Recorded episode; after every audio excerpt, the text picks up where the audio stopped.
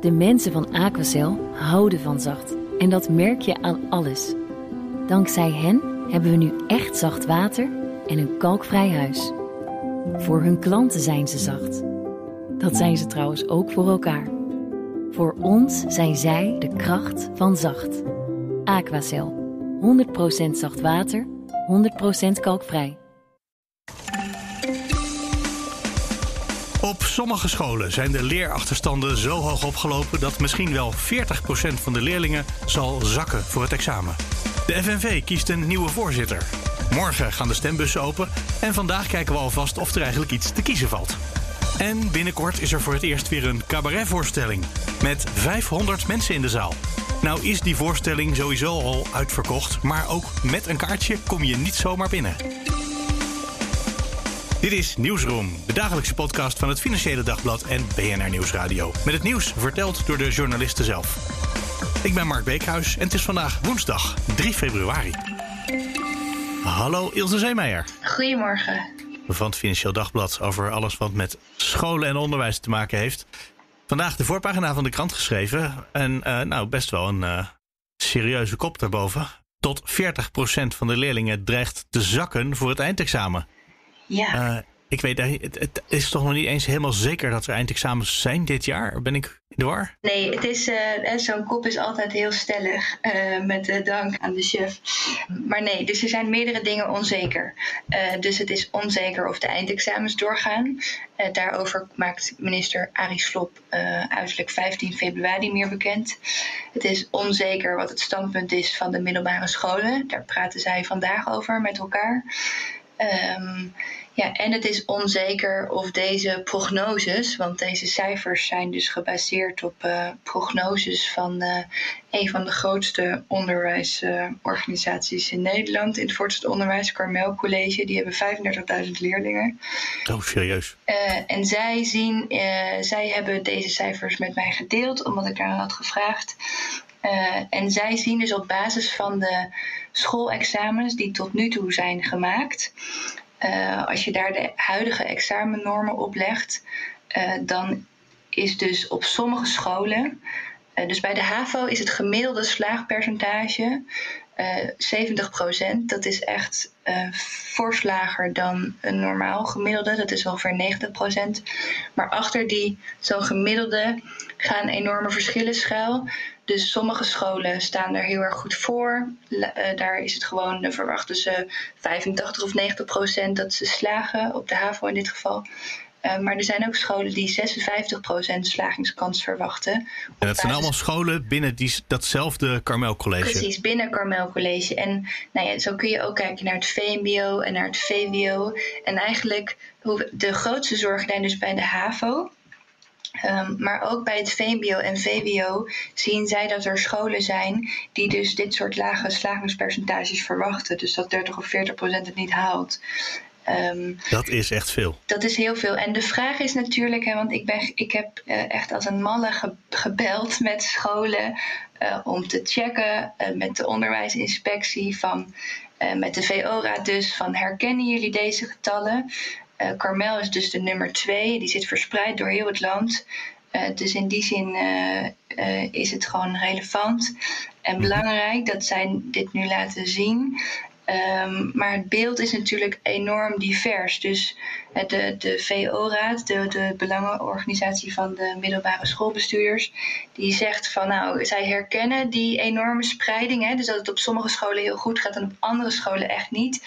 Ze zeggen wel, het gaat om inschattingen. En dat is ook zo. Um, en het is natuurlijk nog de vraag uh, heel erg wat er de komende periode gaat gebeuren. Soms maken leerlingen een eindsprint.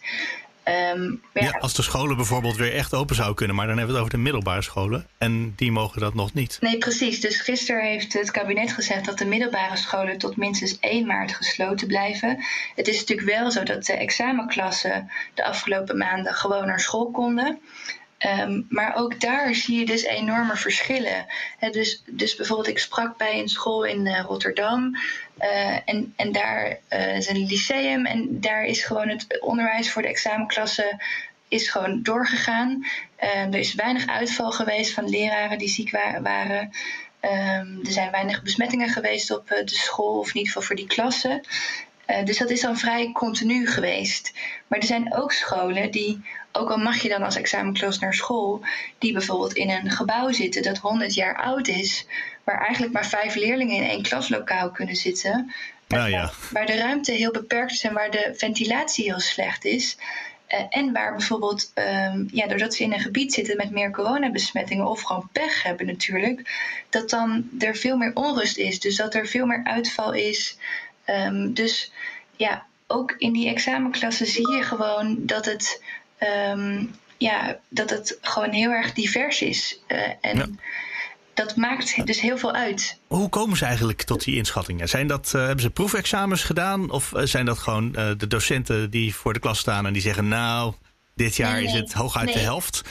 Nee, dus die prognoses die zijn dus gebaseerd op de, de, de examens die dus nu al zijn gemaakt, de schoolexamens. Ah, natuurlijk. Um, en als je daar dus de huidige examennorm overlegt, dan kom je tot deze prognoses. En het is, dus, het is een momentopname. En het is natuurlijk helemaal niet gezegd dat leerlingen dat, ze geen, dat het niet uh, beter kan gaan. Maar het is natuurlijk wel, voordat je gaat nadenken over de oplossingen en wat te doen, moet je natuurlijk proberen om te weten hoe staan ze er nu voor. En dat beeld is er gewoon niet landelijk. Um, eh, nou, dus, het beeld wat jij ja. schetst is dat het heel divers is. Dan is een landelijk nou ja, beeld ook heel dus moeilijk. Dit is eigenlijk een soort eerste poging ja. om te proberen dat te achterhalen. Met natuurlijk al die kanttekeningen van uh, het is divers. Maar dit, dit, er zijn, elke school waar, het, waar die percentages zo hoog zijn, is er natuurlijk één te veel. Want dat maakt natuurlijk ook dat de oplossing die er landelijk komt op sommige scholen, ook al zijn het er misschien heel weinig, dat weten we dus nu nog niet, uh, ja, dat maakt natuurlijk dat je dan. Dat heeft natuurlijk enorme gevolgen voor die leerlingen, voor de docenten, voor die school, voor het imago van die school. Ja, daar zeg je iets belangrijks, dat imago. Want uh, scholen ja. zijn altijd heel erg gevoelig voor slaagpercentages en dat soort ja. cijfers. Uh, willen ze hier openhartig over vertellen? Ja, Carmel dus is heel duidelijk geweest, maar die anderen? Nee, dus ik heb dus van andere schoolbesturen niet, uh, niet nog extra cijfers uh, gekregen. Ze zijn er wel mee bezig, dus ik hoop dat er snel een vervolg mee komt. Um, en um, ja, ik sprak ook wel een schoolbestuur die, of een schooldirecteur uh, die zei van, um, of, of een leerkracht nog van, ze vinden het gewoon best wel ingewikkeld om dit zo nu naar buiten te brengen, omdat het dan uh, als een leerling dit leest, um, ja, natuurlijk enorm demotiverend kan zijn als de school zegt van uh, ja, we staan er niet goed voor. Tegelijkertijd, uh, ik sprak een tijd terug een ouder en daar hadden gewoon de havisten al een alarmerende mail gekregen van de school van jullie moeten echt meer gaan doen, want niemand die staat er gewoon heel slecht voor. Dus op de school uh, waar het om gaat, is dit natuurlijk wel gewoon bekend. En zijn die zorgen gewoon groot en is de behoefte aan, aan duidelijkheid van hoe gaan we hier nu mee om en hoe, voorkomen, hoe bieden we leerlingen eigenlijk perspectief. Oh, perspectief, dat verschrikkelijk gruwelijke woord. Ja, sorry. Ja, I know, maar het is wel, het is natuurlijk wel, als ik, ik, ik besef me natuurlijk heel erg goed dat als ik dit opschrijf, dat natuurlijk, het kan natuurlijk zijn dat je dit leest en jij denkt van jeetje, ik heb, uh, ik heb mijn hele jaar uh, rot gewerkt. Uh, en het heeft allemaal geen zin, want ik hou het toch niet. Maar dat is niet de oproep van, van, van deze mensen. En, nee, uh, het nee precies. Om... Laat ik je daar ook nog even expliciet naar vragen. Daar wilde ik sowieso het gesprek mee afsluiten. En uh, misschien moeten we die kant ook wel langzaam aan uit. Want hmm. als je nou weet dat gemiddeld 20% mensen meer zakken dan andere jaren, hè, van yeah. 90 naar 70% gemiddeld. Je kan natuurlijk zeggen, nou, dat accepteren we. Dat betekent gewoon dat 20% uh, het jaar nog over moet doen. Of, dat we, of je kan iets anders verzinnen. Zijn er uh, voor de hand liggende oplossingen waar veel mensen ook het over eens zijn dat het een goed idee is? Uh, nou, uh, hoe precies, hoeveel steun elke optie die ik voorbij heb zien komen de afgelopen tijd, hoeveel steun die Oké, okay, er zijn heel veel oplossingen. Daar, daar, durf ik mijn hand dus niet voor in het vuur te steken. Dat is echt enorm ingewikkeld. Um, omdat zelfs binnen scholenorganisaties de verschillen dus zo groot zijn. Um, maar er zijn, er zijn meerdere dingen. De meest voor de hand liggend, of als zou je gewoon kijken naar hoe we het hoe doen we het eigenlijk altijd? Dat is dus gewoon inderdaad, als jij het niet haalt, eh, dan blijf je zitten. Uh, maar goed, al zit je natuurlijk op een school waar dan uh, 30% van de klas blijft zitten, dan leidt dat tot enorm. ja, dat heeft, hebben, sommige scholen hebben. dat is lastig voor de scholen. Ja, sommige scholen hebben daar überhaupt de ruimte helemaal niet voor. Want de instroom vanuit de basisschool gaat natuurlijk ook gewoon door.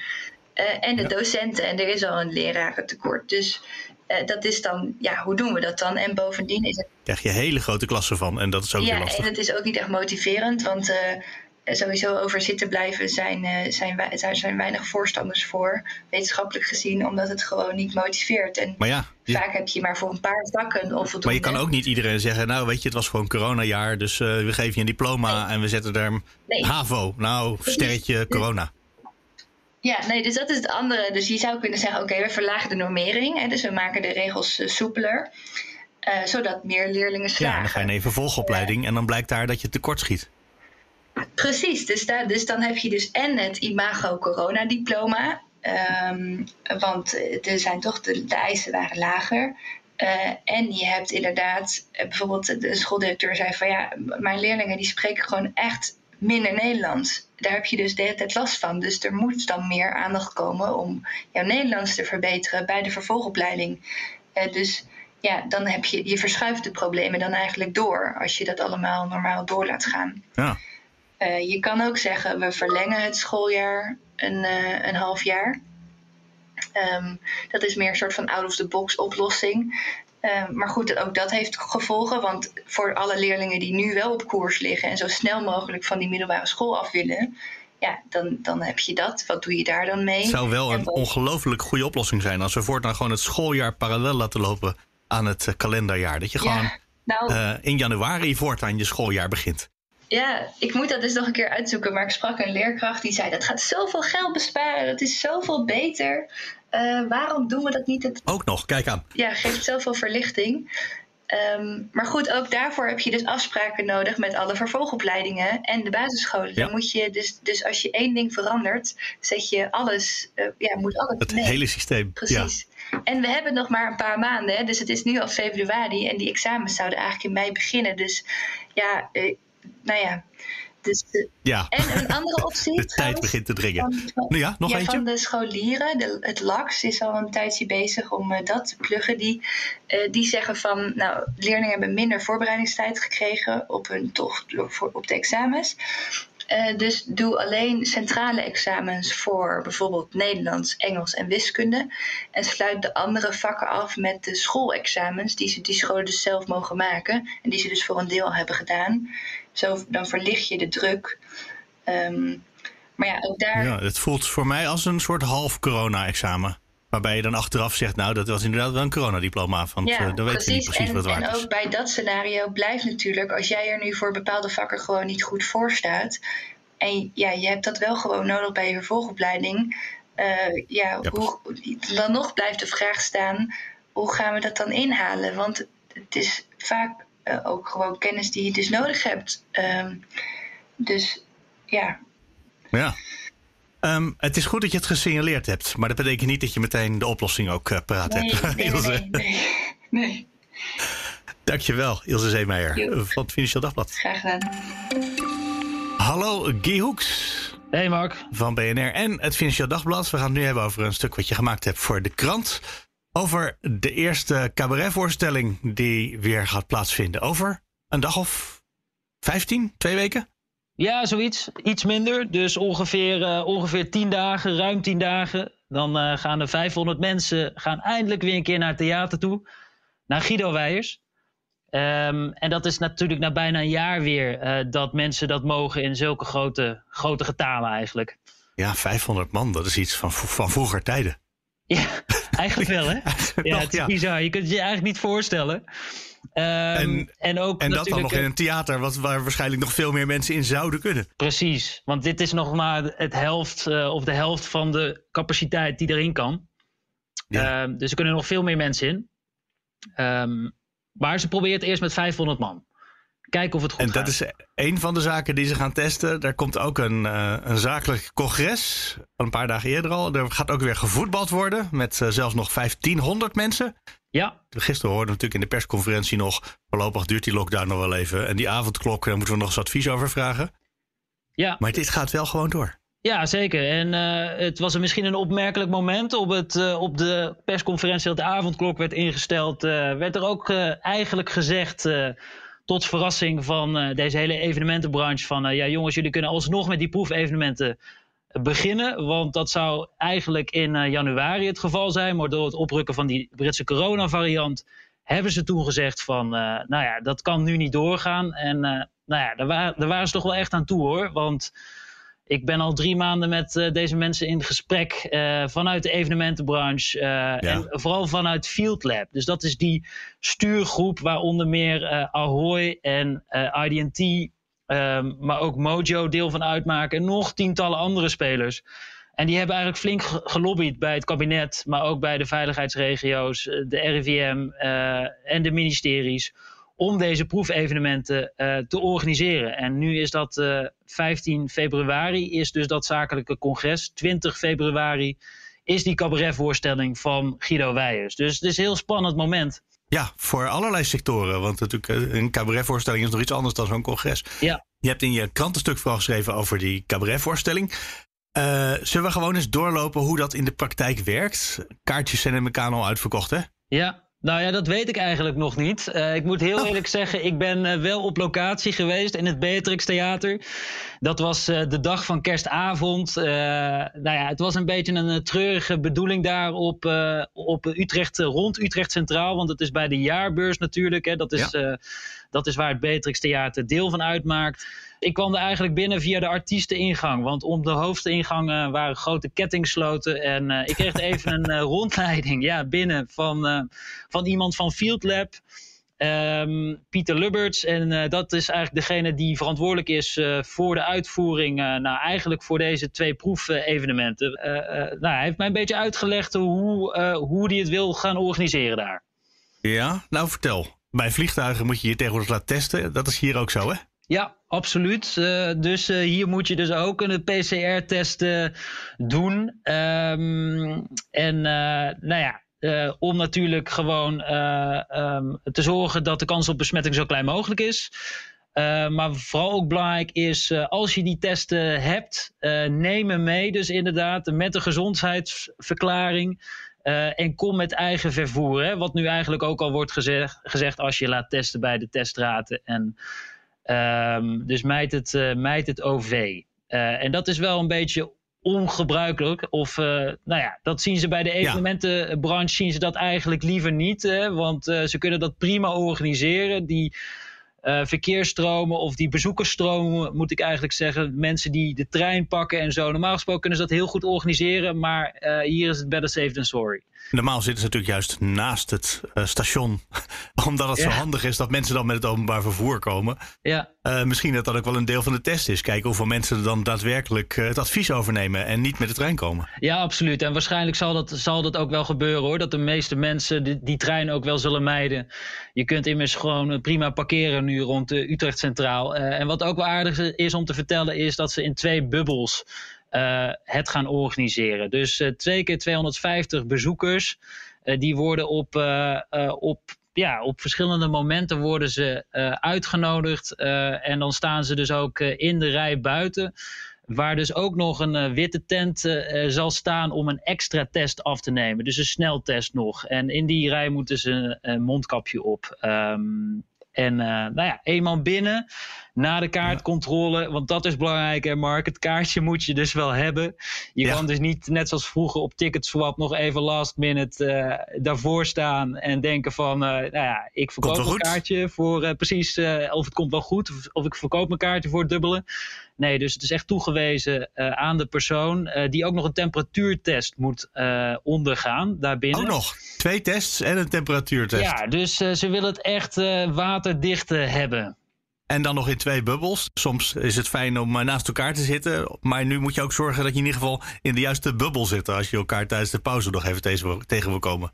Absoluut, absoluut. Of is er misschien geen pauze? Dat je elkaar helemaal niet tegenkomt. Omdat dat maar tot uh, dicht bij elkaar staande mensen leidt. Nou, ik denk wel dat de pauze is. Uh, want ja, die wel? bars die zijn ook open. De horeca is er. Oh toch? Dus ze proberen wel weer een beetje dat theatergevoel terug te brengen. Um, al, al, is het maar om de bezoeker weer uh, even het gevoel te geven dat, uh, hè, dat je echt uit bent een avondje. En voor de organisatie is dit natuurlijk ook gewoon een test. Hè? Want ze zitten ja. natuurlijk ook gewoon te kijken bij Field Lab. Zitten er ook een aantal wetenschappers. Ik heb ook één gesproken voor dit verhaal. En, um, en die zeggen ook dat het heel belangrijk is om tijdens dit evenement ook gegevens, bepaalde data uh, um, te krijgen over wanneer mensen elkaar tegenkomen, waar mensen elkaar tegenkomen. Nou, is dat bij de bar of bij het toilet? En hoe lang is dat dan dat ze elkaar dan daar zien of, uh, of tegen elkaar opbotsen? Um, want dat heeft natuurlijk allemaal te maken met, met, uh, met de kans op besmettingen. Um, ja. En die data, daar is dus ook weer het ministerie van Volksgezondheid geïnteresseerd in. En, um, ook Ik ben ook zo nieuwsgierig, want dat zal waarschijnlijk voor de andere horeca uiteindelijk ook van belang gaan zijn. Of ze gaan bijhouden hoe dicht mensen in de praktijk dan bij elkaar gaan staan in zo'n pauze als ze even wat staan te drinken. Uh, ja. hè, want als je, op de, je moet anderhalve meter afstand houden waarschijnlijk, maar dat lukt lang niet altijd en zeker niet iedereen. Uh, als je gewoon weet dat dat in de praktijk altijd 30 centimeter is, nou, dan is er geen houden aan. En dan is dat ook slecht nieuws voor alle andere horeca daarna, zou ik maar zeggen. Terwijl als je ziet, nou, het is altijd wel meer dan een meter en daar kan je wel wat mee. Dat, dat, ik ben daar nieuwsgierig naar, naar wat ze daar gaan meten en wat, ze gaan, wat eruit komt. Ja, ik ben daar ook onwijs nieuwsgierig naar. Je ziet ook wel dat dat, dat waarschijnlijk in de praktijk. En daarom hebben ze natuurlijk ook al flink getest vooraf. En die extra temperatuurmeting. Uh, om gewoon de kans zo klein uh, te krijgen dat je daarbinnen gewoon geen besmettingen hebt. Maar goed, dat kun je natuurlijk helemaal niet, uh, of niet helemaal uitsluiten. Nee. Dus, dus Wat ik overigens inmiddels wel kan uitsluiten, want ik heb het even gecheckt terwijl we aan het praten zijn. Mm -hmm. Die tickets zijn inderdaad gewoon uitverkocht. Dus je kan uitsluiten dat je ah, nog een kaartje kan krijgen. Ja, dus uh, de hoop is. Uh, uh, nou ja, ja dan moet gewoon, daarna moet het open, zodat we weer de volgende kaartjes kunnen kopen. Ja, zeker. Kie Hoeks, dankjewel. Graag gedaan. Hallo, Rick Winkel van het Financieel Dagblad. Goedemorgen. We gaan het hebben over de nieuwe voorzitter van de FNV. Ja. Die gaat er komen. We weten nog niet wie het wordt, want er komen verkiezingen. Uh, twee kandidaten, hè? Ja, er zijn twee kandidaten. De een heet Kitty Jong en de ander heet Tuur Elsinga. Uh, en ze zijn allebei vicevoorzitter nu al van de bond. Dus uh, ze, kleven al tegen de, tegen de huidige voorzitter aan. Uh, en er begint, even kijken, morgenochtend gaan de stembussen open. De, de, de, de, de digitale stembussen gaan open. En dan hebben ze ongeveer een maand, de leden van die bond, dat zijn er 1 miljoen, om te bepalen wie dat dan moet gaan worden. En vanavond. En voor de mensen die ja. uh, niet vandaag al uh, meteen luisteren, is morgenochtend op het ogenblik donderdag 4 februari. Zeker, zeker. ja. ja. Um, ja, sommige mensen luisteren de podcast pas één of twee dagen later. En dan ja. is het zelfs gisteren. Uh, je weet dat soort dingen niet inmiddels als ja. luisteraar. Ja, um, voor, de, voor de volledigheid, ze hebben dus woensdagavond, uh, begint, steken ze eigenlijk van wal ja. met een, met een uh, debat tussen hun tweeën. Uh, die dan via online uh, voor iedereen te, te, te, bekijken is. Oh, kunnen wij ook, als we geen lid zijn, toch ja, gewoon meekijken in dit verkiezingsdebat? Ja, zeker. Wat leuk. Ja. Um, dan gaan we iets zien van wat we nu al gaan bespreken. Namelijk of er iets te kiezen valt. Want je zegt al, het zijn twee mensen die nu heel dicht bij de macht al zitten. Ja. Dus misschien gaat er sowieso niet zo heel veel veranderen met, het, wat, ja, met de koers van de FNV, de, van, de, van de FNV de komende tijd. Uh, of denk jij dat het echt uitmaakt wie van die twee de verkiezing wint? Ik denk wel dat het uitmaakt. Het, het, het lastige is inderdaad, het zijn twee, twee bestuursleden. Er was, er was een derde die zich had aangemeld voor deze, voor deze race. Dat was Niek Stam, van, dat is een FNV-bestuurder in uh, FNV Havens. Uh, en dan had je echt een heel ander, een heel, heel ander geluid, meer van, van onderop, meer vanuit, vanuit, vanaf de werkvloer en minder vanaf uh, het hoofdkantoor in, uh, in, uh, van de FNV in, in Utrecht gehad. Maar ja, die is niet door de ballotage heen gekomen. Dus het, het ledenparlement van, van die club die daarover gaat, die heeft gezegd ja. van nee, die mensen die worden, die worden gewogen uh, door, uh, er wordt een assessment gemaakt van ben je wel geschikt voor, uh, voor, dit, voor deze functie. En daar is hij niet doorheen gekomen. Dus ja, toen bleven er maar twee kandidaten over. Toen bleven er twee over. Ja, mensen van het hoofdkantoor. En die natuurlijk ook al heel erg hebben meegedraaid in het wereldje waar ze straks dan voorzitter in kunnen klopt, worden. Klopt. Uh, dus ja, die hebben natuurlijk ook al iets van de ervaring en het niveau wat ze moeten hebben. Het zijn echt uh, polderaars, zou je kunnen zeggen. Ja. Nou, um, en toch schrijf je in de kop boven je artikel dat ze het niet helemaal met elkaar eens zijn over nou het doel van polderen en het, de zin van polderen. Dat, ja, dat zou je, dat zou je tenminste, ja goed, het zijn mensen die zich profileren, die zich profileren in een, in een verkiezingsstrijd.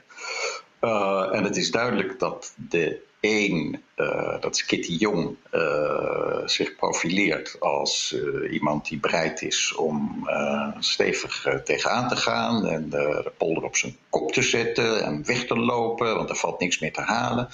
Die stevige taal uitslaat. terwijl de ander, Tuur Elzinga, zich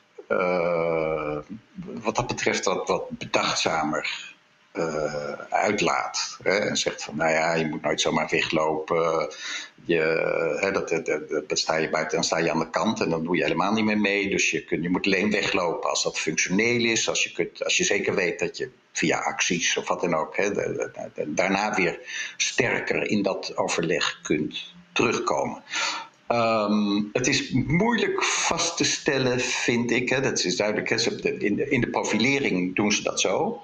Maar of dat nou in werkelijkheid ook ja, goed, dat moet je gaan zien als die mensen, als een van die twee eenmaal is verkozen, dan ga je merken hoe. Nou ja, we hebben natuurlijk ervaring uit het verleden. Ja. Uh, Tuur Elzinga kennen we van onder andere de pensioenonderhandelingen. Uh, Klopt, ja. Dat is, um, is hij daar wel eens weggelopen, functioneel en dan sterker nou, teruggekomen? Om nou even dit praktisch te. Kijk, er is natuurlijk die, die pensioenbesprekingen, uh, die zijn natuurlijk wel eens uh, stuk gelopen. Ja, en, uh, maar dat, dat, dat, bij, bij het weglopen Um, wie loopt er dan precies weg? In ieder geval zijn ze stuk gelopen. En uh, ja. dat komt omdat iemand dan zijn poot stijf houdt en de anderen zeggen, net zolang zijn poot stijf houdt, in dit geval was dat dan de, de FNV en de andere vakbonden, uh, tot, de, tot dat de rest zegt van ja, op deze manier heeft het geen zin enzovoort.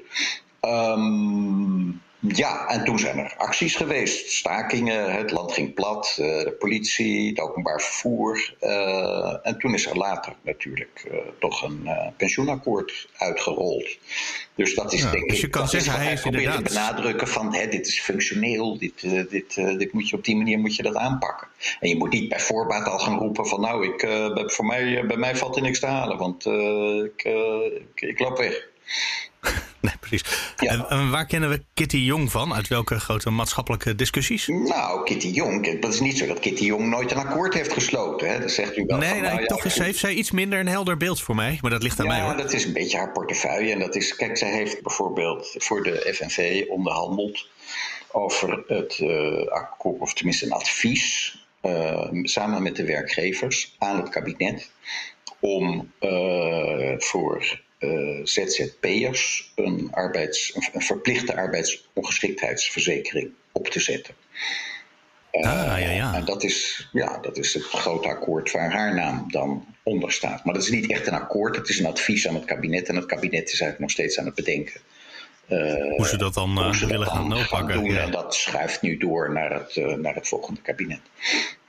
Oké, okay, maar dat ja. heeft ze samen met de werkgevers gedaan. Dus dat is ook uh, ja, ja, ja, uh, een goede onderhandelaar. Daarom, zie je dan meteen. Dus ook, daarom zeg ik dus ook van... je kunt wel hard roepen van tevoren van... Uh, met mij is het kwaad kersen eten. Maar dat wil niet zeggen dat dat in de praktijk ook zo is natuurlijk. Dat wil niet zeggen dat je helemaal geen akkoorden sluit. Dus, uh, Precies. Um, zit er toch iets van een verschil van toon misschien? Dat ze het inhoudelijk wel heel erg op één lijn zitten, maar dat de toon van nou, de, de toon, vakbond. De toon is uh, zeker ja. anders. De toon is zeker anders. Kijk, de Jong is iemand die, uh, die het een beetje recht voor zijn raap zegt, hè, die niet, niet te beroerd is om te zeggen: we hebben een onbetrouwbare overheid en die werkgevers, dat zijn allemaal boeven. Um, dat soort termen, dat komt niet zo snel over de lippen van Elsinga. Die is wat uh, gematigder in zijn, in zijn bewoordingen in ieder geval. Dus de toon, de toon is anders, ja. Ja, En de toon, want afgelopen jaar is er bij de vakbond ook veel discussie geweest over of ze misschien gewoon meer activistisch moesten worden. Minder polderen, meer staken. Zo'n soort gevoel heb ik wel eens gekregen. Zit daar nog een soort strategisch verschil tussen die twee? Dat is een, dat is een, eeuwige, dat is een eeuwige strijd, ja. Maar goed, ik, ik, ik, ik proef bij allebei uh, bereidheid om uh, actie te voeren en, en acties in te en zetten. En allebei willen ook polderen. En acties in te zetten om bij dat polderen een, een, een beter uh, resultaat te behalen. Daar zit, daar, nou, dat zal, daar, daar zit niet veel verschil tussen volgens mij. Nee, dus er valt wel iets te kiezen, dat zeiden we in het begin al. Maar uiteindelijk is de marge, de bandbreedte, is toch ook weer niet zo heel groot. Als ik het nu zo aan het van het gesprek even probeer eh, de balans op te maken. Nee, ik proef dat ze op ook een iets andere manier praten over die hele discussie. Over moet je nou als, als vakbond. In hoeverre moet je nou opkomen voor uh, zelfstandigen, hè, ZZP'ers, die uh, tegen het werknemerschap aanzitten? Hè, omdat ze misschien in een soort schijnconstructie zitten, of omdat ze eigenlijk niet helemaal van harte ZZP'er zijn, maar omdat gewoon de opdrachtgever zegt van ja, je kunt alleen als, als ZZP'er kun je, kun je bij mij terecht. Um, in, in hoeverre moet je nou als vakbond zeggen van nou, wij, wij zijn er voor de werknemers en, die, die, en niet voor die ZZP'ers. Uh, of wij gaan ook die ZZP'ers helpen om samen bij die opdrachtgevers dan uh, betere tarieven te krijgen. Um, ik geloof dat Elsinga iets meer, ik proef dat Elsinga iets meer op die lijn zit en uh, Jong iets meer op die eerste lijn. Maar ook niet, ook, ook niet mijlen ver uit elkaar hoor. Dat, Nee, het blijft natuurlijk gewoon dezelfde FNV. Precies. Er is nog één verschil, wat ook aan het einde van jouw artikel staat. Uh, moet de voorzitter een vrouw worden? En de ene is natuurlijk een vrouw en de ander niet. En de vrouw zegt dan, jazeker, want een vrouw is zakelijker en empathischer. Precies. Ja. Uh, dat lijkt mij, uh, dat is natuurlijk Kitty Jong die dat zegt. Ja, en wat, wat zeg je dan als man? Nou, dat lijkt mij discriminatoire. Ja, dat was mijn eerste gedachte. Dat zegt, dat zegt Elsinga dus ook. Dat ja. hij, zegt, hij zegt het iets netter. Hij zegt van nou, dat lijkt mij een aparte opvatting van emancipatie. Hè? Als, als emancipatie is dat iedereen gelijke kansen moet hebben, dan moet je natuurlijk niet zeggen dat een man of een vrouw uh, bij voorbaat uh, iets, iets beter kan. Dat, mag dan, dat, ja. dat zou dan eigenlijk niet, uh, niet mogen uitmaken. Eén ding wat natuurlijk opvalt bij dit, wil nu het zegt van, van man en vrouw, het is natuurlijk wel zo dat het zijn allebei blanke vijftigers. Ja, dat sowieso. Ja, dus, uh, dus wat dat betreft is de diversiteit. Uh, ja, en, en, nou. en, en de Jong maakt er, maakt er natuurlijk wel een punt van. van, dat, hè, van ik zeg het moet een vrouw zijn, maar er zegt er ook bij van ja, als je een vrouw kiest als voorzitter, dan maak je jezelf ook aantrekkelijker als uh, voor, voor, voor, voor vrouwen om lid te worden van die bond. En die bond die heeft last van ledenverlies. Die moet, uh, nieuwe, die moet zorgen dat ze weer nieuwe leden krijgen. En er zijn een hoop ja. vrouwen die in flexbanen zitten of uh, die, die nou, geen lid zijn en die misschien lid zouden worden als je een vrouw hebt. Dus dat, is de, dat zou een soort objectieve uh, ja, daar zou nog een zijn. strategisch voordeel kunnen Strategisch zitten. voordeel om meer zitten. vrouwen in de partij, in de, in de bond weer te krijgen. Want Ja. inderdaad, we begonnen met het zijn 1 miljoen mensen, maar het zijn ietsje minder dan 1 miljoen mensen tegenwoordig. Hè? Het zijn er uh, net iets minder. Ja, Ja, Ze zijn, ze uh, zijn er onder, onderdoor gezakt. Afijn, we gaan vanavond uh, het uh, debat tussen die twee bekijken, denk ik. Ja. En uh, daarna zien wat er gebeurt in de komende maand. Dat Winkel. doen. Dankjewel. Oké, okay. dankjewel. We komen aan het einde. Je weet, je vindt de show notes van deze podcast altijd op bnr.nl slash nieuwsroom. En als je wil reageren, kan je mailen naar nieuwsroom.bnr.nl of nieuwsroom.fd.nl. En deze podcast is vandaag al een beetje lang aan het worden, dus ik ga niet de mailtjes van vandaag helemaal met je doornemen. Maar dankjewel aan iedereen die gemaild heeft. Weet dat ik alles altijd lees en vaak terugschrijf en het soms hier in de podcast even meeneem. Morgen zijn we er weer, dus heel graag tot dan.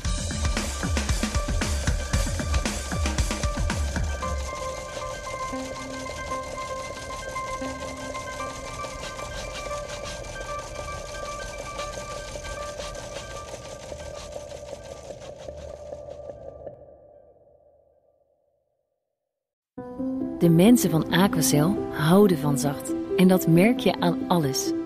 Dankzij hen hebben we nu echt zacht water en een kalkvrij huis. Voor hun klanten zijn ze zacht. Dat zijn ze trouwens ook voor elkaar. Voor ons zijn zij de kracht van zacht. Aquacel. 100% zacht water, 100% kalkvrij.